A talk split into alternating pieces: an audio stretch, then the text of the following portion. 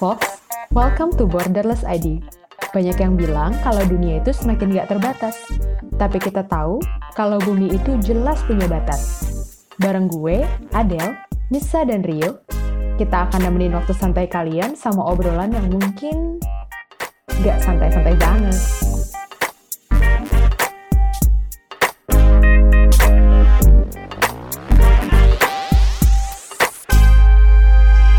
Hello guys, welcome back. Di episode kali ini, kita akan diskusi soal isu biodiversitas atau keanekaragaman hayati. Mengapa itu penting bagi kehidupan manusia, lalu upaya seperti apa yang harus kita lakukan dalam konservasi biodiversitas. Kemudian, siapa yang harus berperan dan terlibat dalam upaya tersebut, dan dalam konteks Indonesia, mau dibawa ke mana sih sebenarnya biodiversitas kita ini? Nah, kali ini uh, dari Borderless kita ada gua sama Adele, Icang absen dulu nih. Tapi kita kedatangan tamu alias temen untuk diajak diskusi. Siapa dia? Jeng jeng jeng jeng. Yeah. ada Halo ada Kak Sera, semuanya. Kak Sera Zade atau Kak Sera nih. Halo Kak, apa kabar Kak?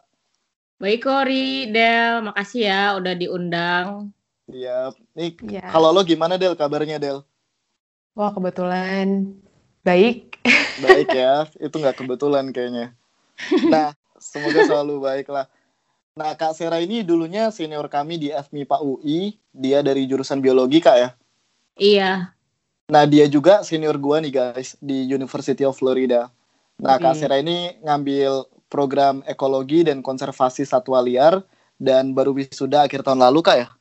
iya Desember. Yeay. Desember. Yeay, selamat, Kak. keren. Nah, eh, dia ini seorang penggiat konservasi di Indonesia nih guys. Dan kalau inget Kak Sera nih, gua inget kelelawar sama ketawanya Kak Sera nih yang rame dan renyah banget. Kenapa tuh kira-kira?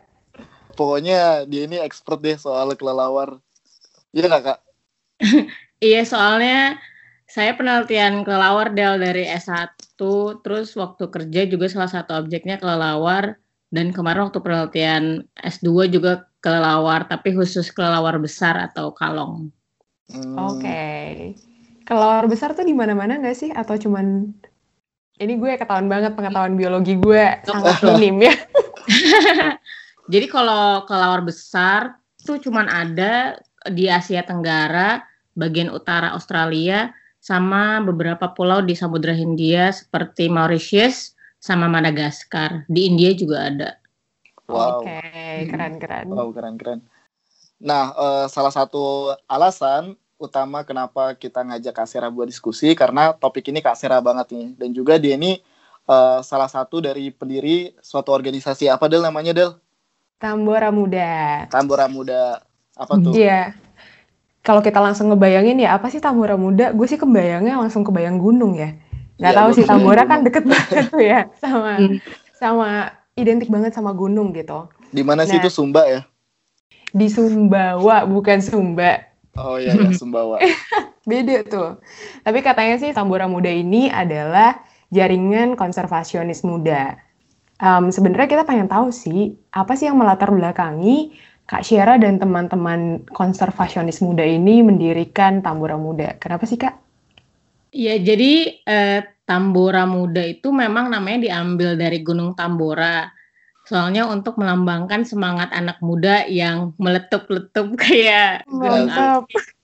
Gitu. Nah, kalau Tambora sendiri didirikan bulan Desember 2015.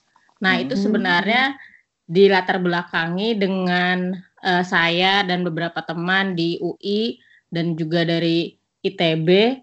Kalau ngelihat tuh di Indonesia informasi dan kesempatan untuk meningkatkan kapasitas diri tuh hanya terkonsentrasi di Pulau Jawa misalnya atau hanya anak-anak di Pulau Jawa saja yang punya informasi dan kesempatan untuk keluar negeri meningkatkan kapasitas dirinya.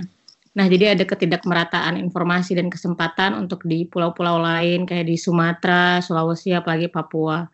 Nah, dengan adanya Tambora sih kita berharap untuk address gap ini dan Hmm. gimana caranya biar informasi-informasi dan juga kesempatan peningkatan kapasitas itu ada di daerah lain. Hmm. Gitu sih latar belakangnya. Wow, pemerataan ya. Kayak Iya. pembangunan pemerintah Emang. saat ini. Ya, keren, Tapi- keren. Penasaran deh, itu pengaruhnya atau outcome yang pengen dicapai dengan adanya pemerataan informasi serta mungkin akses terhadap keterampilan dan lainnya terhadap konservasi itu apa sih kak? Iya. Jadi kan kalau misalnya kita mau aktif dan berkontribusi di konservasi biodiversitas, kita harus menjadi peneliti dan praktisi yang mumpuni kan. Hmm. Nah, bagaimana caranya menjadi praktisi dan peneliti yang mumpuni itu adalah dengan mengetahui, dengan mempunyai pengetahuan yang cukup dan juga punya keterampilan-keterampilan tertentu.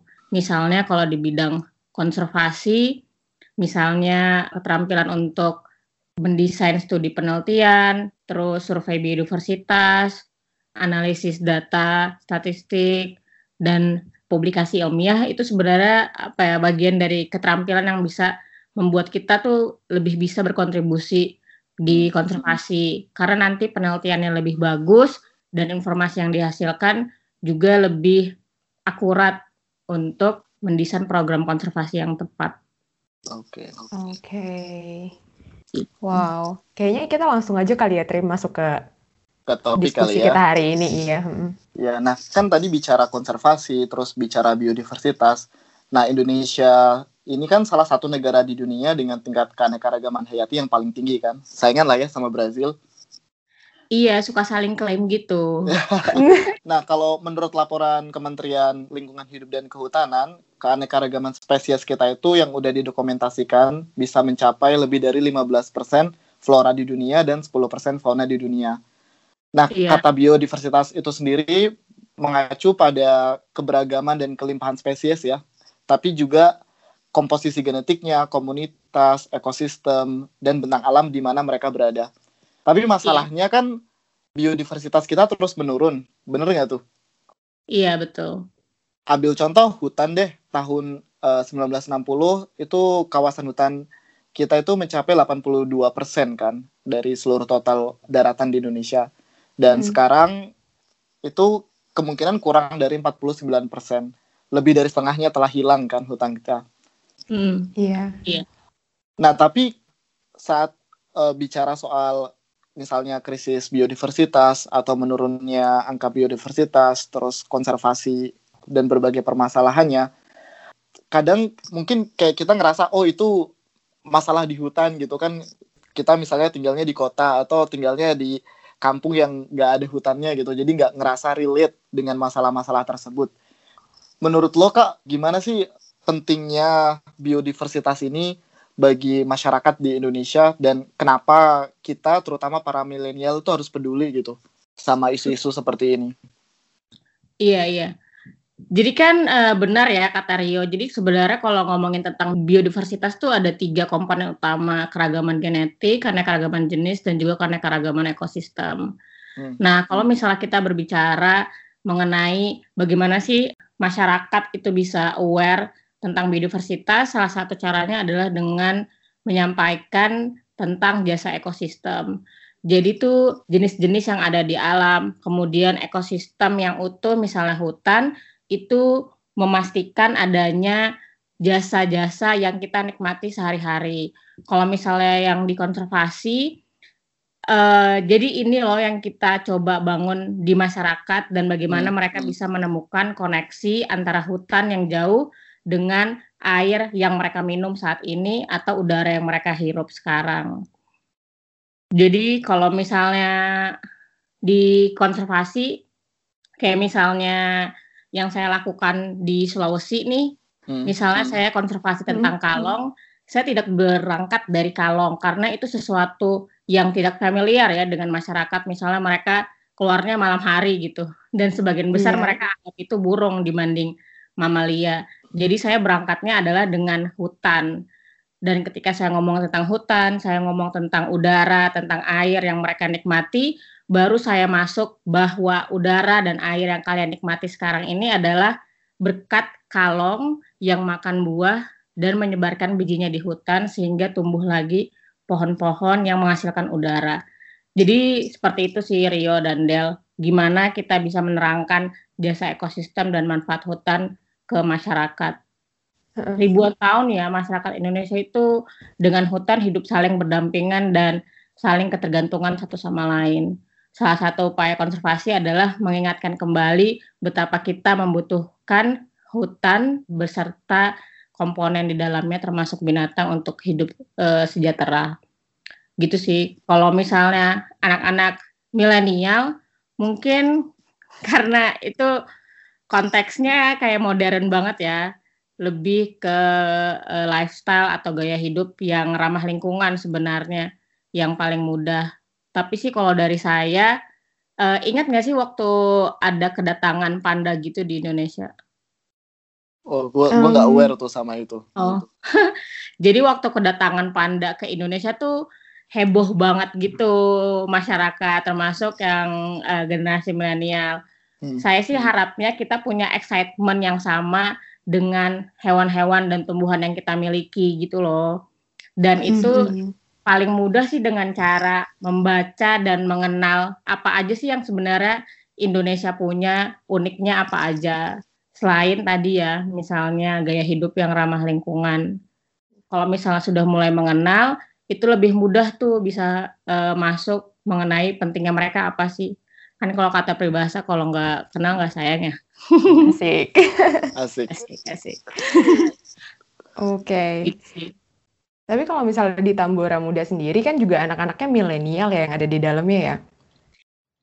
Kira-kira milenial. Mengaku milenial. Kita aja tuh sekarang masih yang kayak keep up gitu loh dengan generasi yang sekarang tuh sebenarnya mereka kan nyerap informasinya yang kayak apa dan kayak gimana Mm-mm. Nah, ya pertanyaan gue, gue jadi tertarik nih. Um, sebenarnya di Tambora Muda sendiri karena anak-anaknya isinya anak-anak milenial, katanya milenial ya.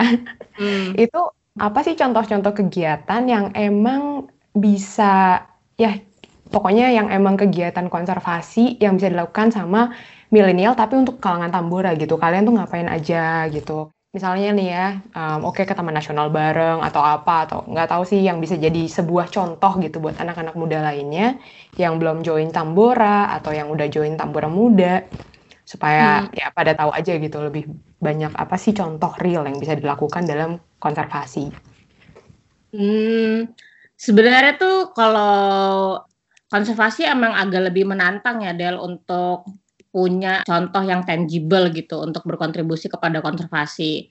Nah, hmm. tapi kalau misalnya yang paling mudah, kalau sekarang kan generasi milenial suka naik gunung ya. Jadi tuh dua minggu lalu gue pengen ke naik gunung gede gitu. Terus kuotanya tuh udah full sampai beberapa minggu dan ini bertepatan dengan libur anak sekolah.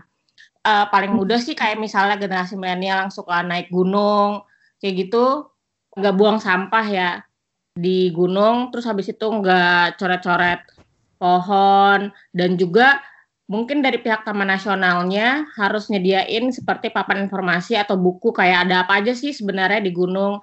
Jadi mereka ke gunung tuh nggak hanya menikmati view-nya aja, tapi untuk mengerti sebuah ekosistem gunung, komponen hutan dan juga misalnya ada hewan apa aja. Gitu sih okay. kalau tangible. Dan kedua kalau misalnya di Tambora kan salah satu misinya adalah kita pengen mainstreaming konservasi kan. Jadi kita mm suka ada Instagram gitu. Nah, karena anak-anak milenial ini so into Instagram, jadi kalau misalnya lagi ke Taman Nasional bisa tuh bikin uh, postingan kayak foto, terus bikin caption mereka ngapain aja, terus pentingnya Taman Nasional sebenarnya itu apa, ngelihat hewan atau tumbuhan apa aja dan nanti bisa dipost di Instagramnya Tambora. Jadi bentuk uh, seperti citizen science untuk informasi-informasi biodiversitas. Bisa juga sih nulis artikel nanti di publish di websitenya Tambora. Wah, nah menarik ya ini jadi bentuk citizen journalism ya ini ya. Hmm. ya iya. Mm -mm. Ya kalau hmm? misalnya sama Rio yang luar itu kayak generasi milenial itu sebenarnya salah satu target dari Tambora. Kalau target utamanya kita tuh sebenarnya ini mahasiswa dan early career conservationist atau anak-anak muda yang memang sudah di tahapan mau dikonservasi hmm. gitu. Jadi selain tadi mainstreaming issues, kita juga banyak bikin pelatihan. Terus juga kita ingin menjadi wadah kolaborasi sih untuk anak-anak muda. Mm-mm. Tapi kalau misalnya gue tarik ke lebih general lagi, tadi kan lo udah ngejelasin tentang ekosistem services ya, hmm. um, atau jasa lingkungan. Sebenarnya kalau misalnya kita bisa melihat lebih spesifik lagi siapa aja aktornya, terus abis itu peranannya apa, uh, kira-kira lo bisa menggambarkan nggak kira-kira misalnya kayak pemerintah tuh peranannya apa, terus atau um, kayak misalnya kita sebagai uh, general public itu peranannya seperti apa? Kira-kira kayak gimana share? Hmm, iya. Kalau di Indonesia ya Del Rio, kalau menurut hmm. saya sekarang tuh memang interest ke pemerintah di konservasi juga sudah besar. Nah, tapi peran NGO dan praktisi-praktisi ini sih yang menurut saya sangat penting. Pertama, karena kan Indonesia itu informasi mengenai apa sih pentingnya hewan, tumbuhan atau ekosistem itu masih sangat jarang. Jadi peneliti termasuk mahasiswa, dosen yang di universitas itu memegang peranan penting untuk menyuplai informasi mengenai apa yang akan diinformasikan dan apa yang akan diadvokasi ke pemerintah. Itu yang hmm. pertama peneliti eh, yang termasuk mahasiswa dan dosen. Yang kedua, kalau pemerintah menurut saya peran utamanya untuk buat uh, kebijakan dan program-program yang bisa mendukung program konservasi ya. Salah satunya misalnya yang saya lakukan di Sulawesi, jadi pemerintah tuh sekarang punya uh, program inovasi desa. Nah, hmm. di mana setiap desa tuh punya otoritas untuk mendesain program sekreatif mungkin. Dan ini menjadi kesempatan untuk konservasi untuk mengintegrasikan misalnya perlindungan kalong terhadap program inovasi desa misalnya mau bikin desa ekowisata. Jadi program-program seperti ini nih yang pemerintah bisa buat untuk uh, membuka banyak kesempatan bagi masyarakat dan eh, LSM juga untuk terlibat gitu. Nah, kalau yang ketiga, kalau masyarakat saya tuh apa ya uh, sangat uh, mendukung peran masyarakat dalam konservasi. Kalau selama ini mm-hmm. biasanya masyarakat jadi objek program gitu ya. Jadi seolah-olah mereka yang kita kerjakan. Kalau menurut saya masyarakat tuh sebenarnya bisa memegang peranan yang penting untuk memimpin dan memanage sendiri program perlindungan suatu jenis atau ekosistem. Dan tentu saja harus ada pendampingan dari NGO, pemerintah, ataupun ahli-ahli yang lain. Oke, okay, oke. Okay. Uh, nah, tadi kan lo udah bilang tuh ada misalnya program desa wisata dan gimana caranya misalnya masyarakat merasakan manfaat langsung gitu dari keberadaan sumber daya alam atau keberadaan hutan di sekitar mereka gitu. Nah, mm -mm. tapi kan sebenarnya kita nggak bisa menutup mata juga gitu ya masih banyak misalnya kasus-kasus seperti pembalakan liar, kemudian perambahan hutan, sampai misalnya perburuan satwa liar. Kayak misalnya terakhir gue dulu waktu kerja di sekitar kawasan Taman Nasional itu gajah masih diburu gitu hmm. dan diambil gadingnya. Atau mungkin yang lebih mainstream itu eh, orang-orang ini deh berburu burung ya di di hutan terus buat dijual atau dipiara. Hmm. Iya iya. Nah, tadi kan lo udah jelasin bahwa uh, pemerintah itu ada arah ke sana gitu. Cuma gue pengen masuk mungkin ke perdebatan gitu antara misalnya biodiversitas atau alam ini tuh sebenarnya lebih baik dibiarkan seperti itu atau dia itu harus diambil manfaat sebesar-besarnya kepada masyarakat supaya di, keberadaan dia tetap ada gitu karena kalau misalnya masyarakat merasa nggak ada manfaatnya mungkin dia secara langsung gak langsung nantinya juga akan mengeksploitasi hutan atau sumber daya alam gitu nah yeah. kalau misal misalnya kayak hmm. di Afrika gitu kan mereka melegalkan hmm. hunting gitu kan perburuan Hmm. Dan dari hmm. perburuan itu nanti kayak ya mereka harus bayar, terus ada harus ada permitnya, harus ada license-nya, dan uangnya nanti diputar balik buat ke misalnya buat ke konservasi gitu. Nah kalau hmm. di Indonesia arahnya ke sana nggak sih? Maksudnya kayak ya udahlah ngebunuh hewan nggak apa-apa asal misalnya nanti ada penghasilnya dipakai untuk uh, mengkonservasi spesies yang lebih banyak atau misalnya ekosistem yang lebih luas gitu. Kalau lu ngelihatnya misalnya ke depan gimana kak? Tren yang seharusnya dilakukan atau dituju sama Indonesia ini? Iya iya.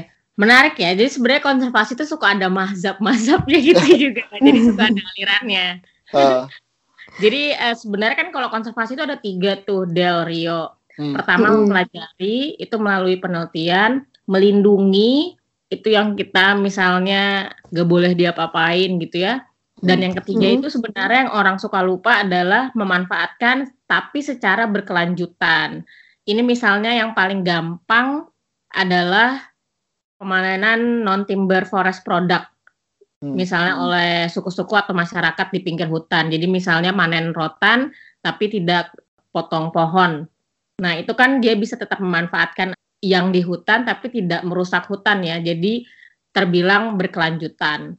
Nah kalau di konservasi itu ada yang hardcore jadi yang benar-benar yang fortress conservation jadi lo nggak boleh apa-apain leave that alone tapi ada juga uh, praktisi konservasi yang gak bisa ini tuh gak bisa cuma dilindungi tapi kita harus bisa manfaatkan tapi secara berkelanjutan supaya masyarakatnya tidak ngerasa quote unquote dicuri gitu ya hmm. apa yang mereka sudah iya. miliki yeah. selama ribuan tahun. Preservasi bukan sih itu share? Iya kalau yang preservasi itu yang melindungi. Gak boleh diapa-apain gitu. Gak boleh dia gak boleh diganggu gugat ya. Itu harusnya ada penelitian, ada preservasi yang pelindungan, tapi ada juga yang sebenarnya permanfaatan berkelanjutan. Nah, kalau gue lihat di Indonesia, sebenarnya agak sulit ya kasusnya karena misalnya megafauna yang di Sumatera itu memang dalam kondisi tidak bisa dimanfaatkan secara berkelanjutan karena dalam kondisi yang sangat kritis. Jadi diskursusnya lebih bagaimana melindungi mereka, di habitatnya dan juga untuk penegakan hukum bagi oknum-oknum yang misalnya berburu gitu atau mengambil gadingnya. Nah, di satu sisi ada juga kondisi-kondisi di mana kita bisa memanfaatkan secara berkelanjutan. Nah, ini dengan misalnya yang agak kontroversi juga ya, sistem kuota. Jadi baru saja tahun ini tuh kalau nggak salah eh, pemerintah menetapkan kuota untuk hiu di Indonesia. Jadi misalnya nelayan bisa mengambil sekian hiu tapi tidak bisa melebihi kuota. Nah, kuota inilah yang diperoleh dari analisis permodelan dalam penelitian. Jadi segini nih yang bisa lo ambil tapi lo nggak bisa uh, ambil lebih dari itu. Dan kalau ngelihat dari aturan-aturan di perikanan ya misalnya ada ukuran pancing, ukuran hmm. organisme yang bisa dipanen itu kan sebenarnya memastikan pemanenan secara berkelanjutan. Jadi gimana ikannya tetap ada tapi di tahun-tahun berikutnya masih ada. Jadi itu depend on the context ya Del Rio. Hmm. Mana lo bisa ini lindungin dengan strict, ada di mana lo bisa memanfaatkan secara berkelanjutan. Ya, tapi mungkin sudut pandang yang hardcore nih ya, yang pengen banget melindungin, itu kan salah satu argumennya bisa jadi karena saat lo udah buka pintu nih, misalnya buat komodifikasi atau komersialisasi, nanti ada istilahnya slippery slope gitu kayak hmm. ya udah nanti lo mulai melegalkan ini terus akhirnya uh, makin meluas kayak misalnya lo buka desa wisata nanti pengunjungnya makin banyak pengunjungnya makin banyak oh yaudah buka kawasan baru nih buat hmm. ngebuka fasilitas pengunjung atau buka trek hmm. baru nih di dalam hutan supaya orang bisa dapetin suasana hutannya gitu kan kalau misalnya di satu jalan doang nanti crowded kayak ke pasar bukan ke hutan kan jadinya nah hmm. kalau Hmm. kalau mungkin ngelihat konteks Indonesia kali ya, mungkin Adel ada contoh gak sih lo Del yang kayak gitu? Nah itu apa sih yang menurut lo itu harus diperhatiin supaya nggak sampai atau bisa meminimalisir adanya slippery slope kayak gitu? Iya, gue punya satu contoh juga waktu gue dulu kuliah lapang. Um, dulu gue sempat penelitian tentang desa wisata.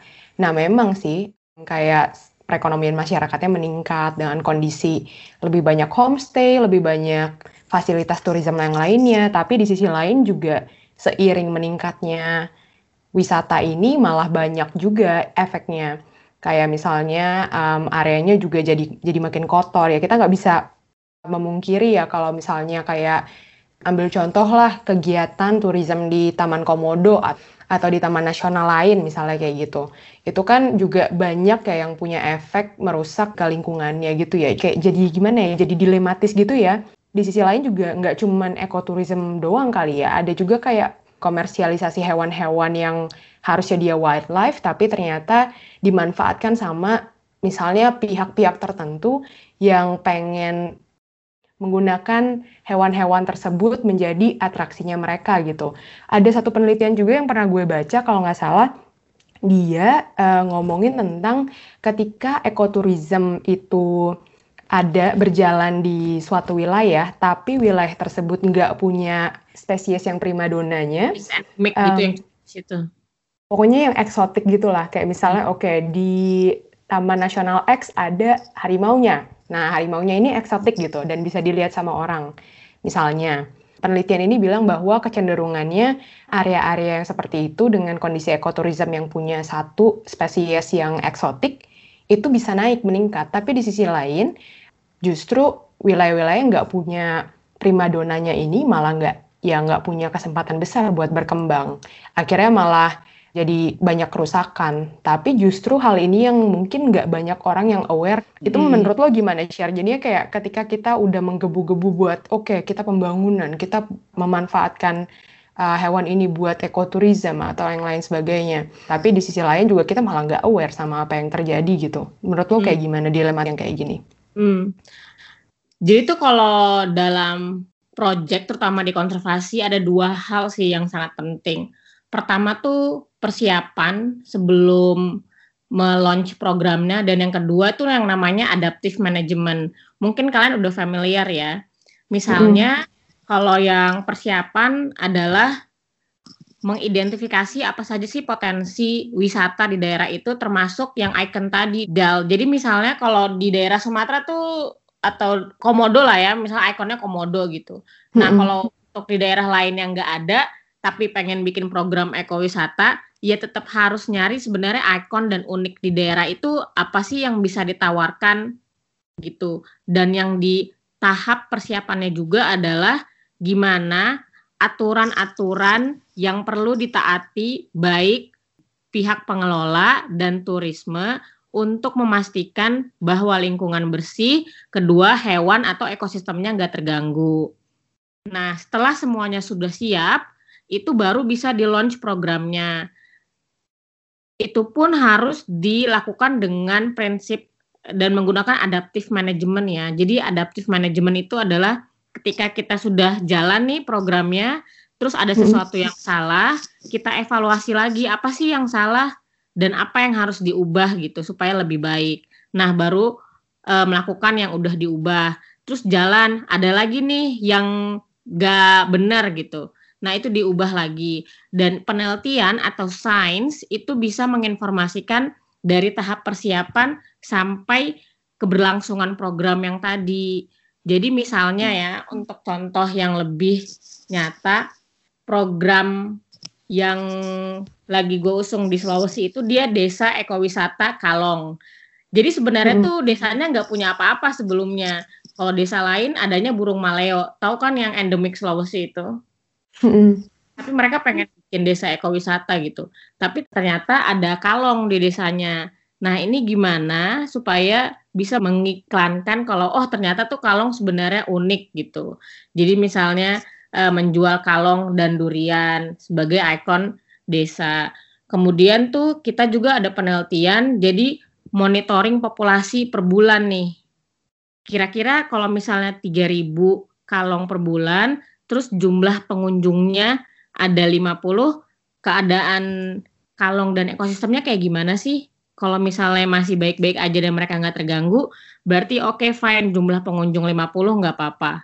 Tapi ketika misalnya kita monitoring bulan depan, jumlah hmm. populasi kalongnya menurun dan mereka pindah ke tempat yang lebih terisolasi, berarti kita mempertanyakan nih apakah jumlah pengunjungnya ini terlalu banyak ternyata. Nah, kalau terlalu banyak, berarti untuk bulan-bulan berikutnya jumlah pengunjung dibatasi 30 orang saja. Nah, menurut gua yang jarang sekali ada di program ekowisata adalah bentuk adaptif manajemen seperti ini. Jadi, memonitoring apa yang terjadi dan bagaimana menggunakan informasi dari monitoring itu untuk selalu improve manajemen praktisnya. Itu yang makanya masih ada desa ekowisata dengan desa yang kotor atau misalnya hewannya terganggu atau ekosistemnya rusak gitu. walaupun masih banyak yang perlu Iya. diimprove ya. Tapi menurut gue sih Mm. persiapan sama adaptive management itu dalam pengelolaan. Tapi kadang suka ini ya, kayak kalau misalnya adaptive management Hmm. berkaitan sama rules-rules gitu, sering ketabrak sama susahnya birokrasi policy. Kayak misalnya di pemerintahan gitu, kayak mereka kadang susah banget buat adjust perubahan karena mereka butuh waktu untuk memperbaiki rules yang ada kayak gitu. Iya Akhirnya betul. jadi kayak mungkin itu salah satu alasan kali ya kenapa adaptive management jadi sebuah challenge buat pembangunan. Iya, benar Del. Dan tapi itu sebenarnya bikin kesempatan ya, karena tuh desa sekarang punya eh, otoritas gitu yang lumayan besar dan kepala desa kan memang dipilih oleh masyarakatnya. Nah, jadi kalau gue sih mainnya di tahap tatanan desa nih. Jadi kan mereka bisa bikin peraturan desa dan dengan membuat mereka menjadi pengelola utama program itu is more likely mereka untuk mengimprove manajemen sesuai dengan misalnya tadi program monitoring gitu. Jadi kalau misalnya di tahapan atas agak susah, mainnya tuh yang agak bawah tapi possible gitu. Nah, gua gua setuju banget sih sama itu karena ya kadang misalnya keterlibatan pemerintah ada batasannya gitu dan ya memang Iya. terlibat langsung dan yang engage sama buffer zone buat taman nasional atau taman nasional langsung ya masyarakat lokal. Mm-mm. Nah, mungkin eh, dari sini kita belajar banyak ya soal eh, konservasi, soal biodiversitas, terus trennya harusnya ke arah mana nih dan tadi udah belajar banyak banget kita ya Del ya.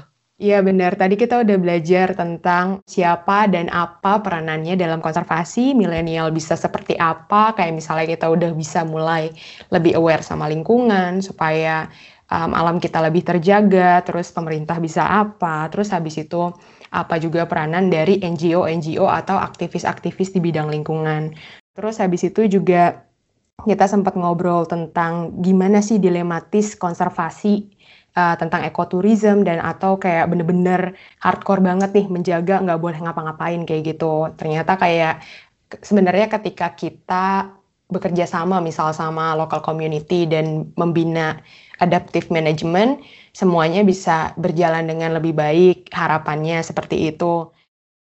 Nah, tapi kalau kita lanjutin terus nih, kayaknya kita bakalan ngobrol sampai tahun depan kayaknya karena Banyak banget. nggak kelar-kelar gitu kan. Iya. Kira-kira eh, ada tambahan nggak dari Trimono? Ya itu sih tadi kan dibilang bahwa adaptive management itu jadi tantangan ya karena itu menurut gua skill yang harus Iya. dilatih kemudian diasah dan memang harus ada yang ngedampingin gitu. Makanya setuju banget sih ada Tambora Muda yang dia itu memberikan pemerataan eh, informasi dan skill buat konservasionis muda dan juga praktisi-praktisi. Bahkan gua gua pengen nanya nih kalau misalnya kita bukan dari misalnya lulusan biologi atau nggak belajar ekologi atau Hmm. mungkin nggak terlibat langsung sebagai konservasionis bisa juga nggak sih terlibat dalam kegiatannya Tambora? Bisa banget lah. Justru itu sih yang kita pengen gaungkan sekarang, Del sama Rio. Soalnya kan sebenarnya konservasi itu multidisiplin ya. Jadi nggak hanya ekologi dan biologi, tapi juga ada sosialnya, ekonominya gitu. Cuman kalau di Indonesia tuh masih lebih kayak oh anak biologi atau anak kehutanan doang gitu. Padahal sebenarnya itu lintas disiplin. Jadi kalau misalnya Rio, Adel dan teman-teman lain yang bukan biologi atau kehutanan tapi tertarik sama konservasi dan berkiprah di bidang ini juga, welcome to join us. Noted ya. Jadi Iya. langsung aja follow Mantap. ke mana kak? Follow at Tambora Muda. Jangan lupa juga follow at borderless.id. Wes, Nah. kita punya promosi. Kalian ya kita promosi. Kira-kira ada pesan lain nggak buat teman-teman sebelum kita Hmm. tutup nih? Apa ya? Rajin baca aja sih menurut gue. Wah, ini deep banget pesannya ya. Benar-benar benar. Harus rajin baca. Nah, oke, thank you banget buat Tambora Muda karena udah mau ngobrol dan diskusi sama Borderless. Senang banget kita bisa ngobrol bareng.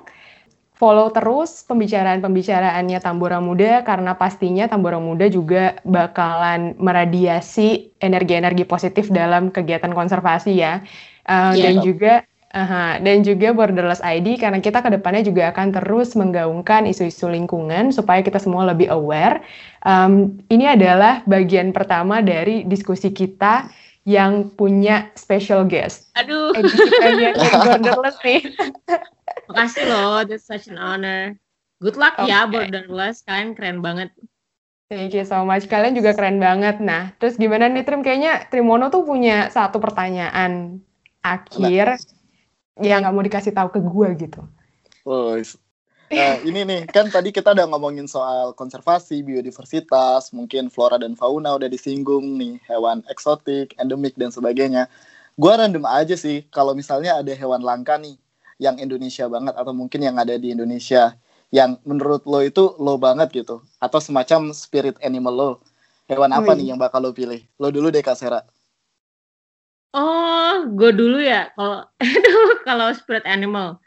Kalong atuh oh iya kalong udah jelas dari ya. awal ya soalnya gak, terbang gak. tuh mereka terbang berkilo-kilometer so it represents freedom and I love freedom Wih. Wow. Oke, okay, wow. kita co kita coret kalong deh. Apakah nomor duanya? Nomor duanya dugong. Oke, kalau ini nggak usah pakai alasan. Kalau lo apa, Del? Waduh, berhubung saya juga nggak terlalu pintar-pintar banget ya biologinya ya. saya kebanyakan nonton TV. Saya dragon aja bisa nggak? Biar dragon. kayak Kalesi. Iya. eh, ini ini dragon. Gak di Indonesia. ini ular atau komodo dragon? Komodo deh kalau gitu gue. Oh, lo ular aja nyiblorong. Iya. Jahat banget. Nah, itu tadi jawaban mereka berdua. Kalau kalian, spirit animal kalian apa?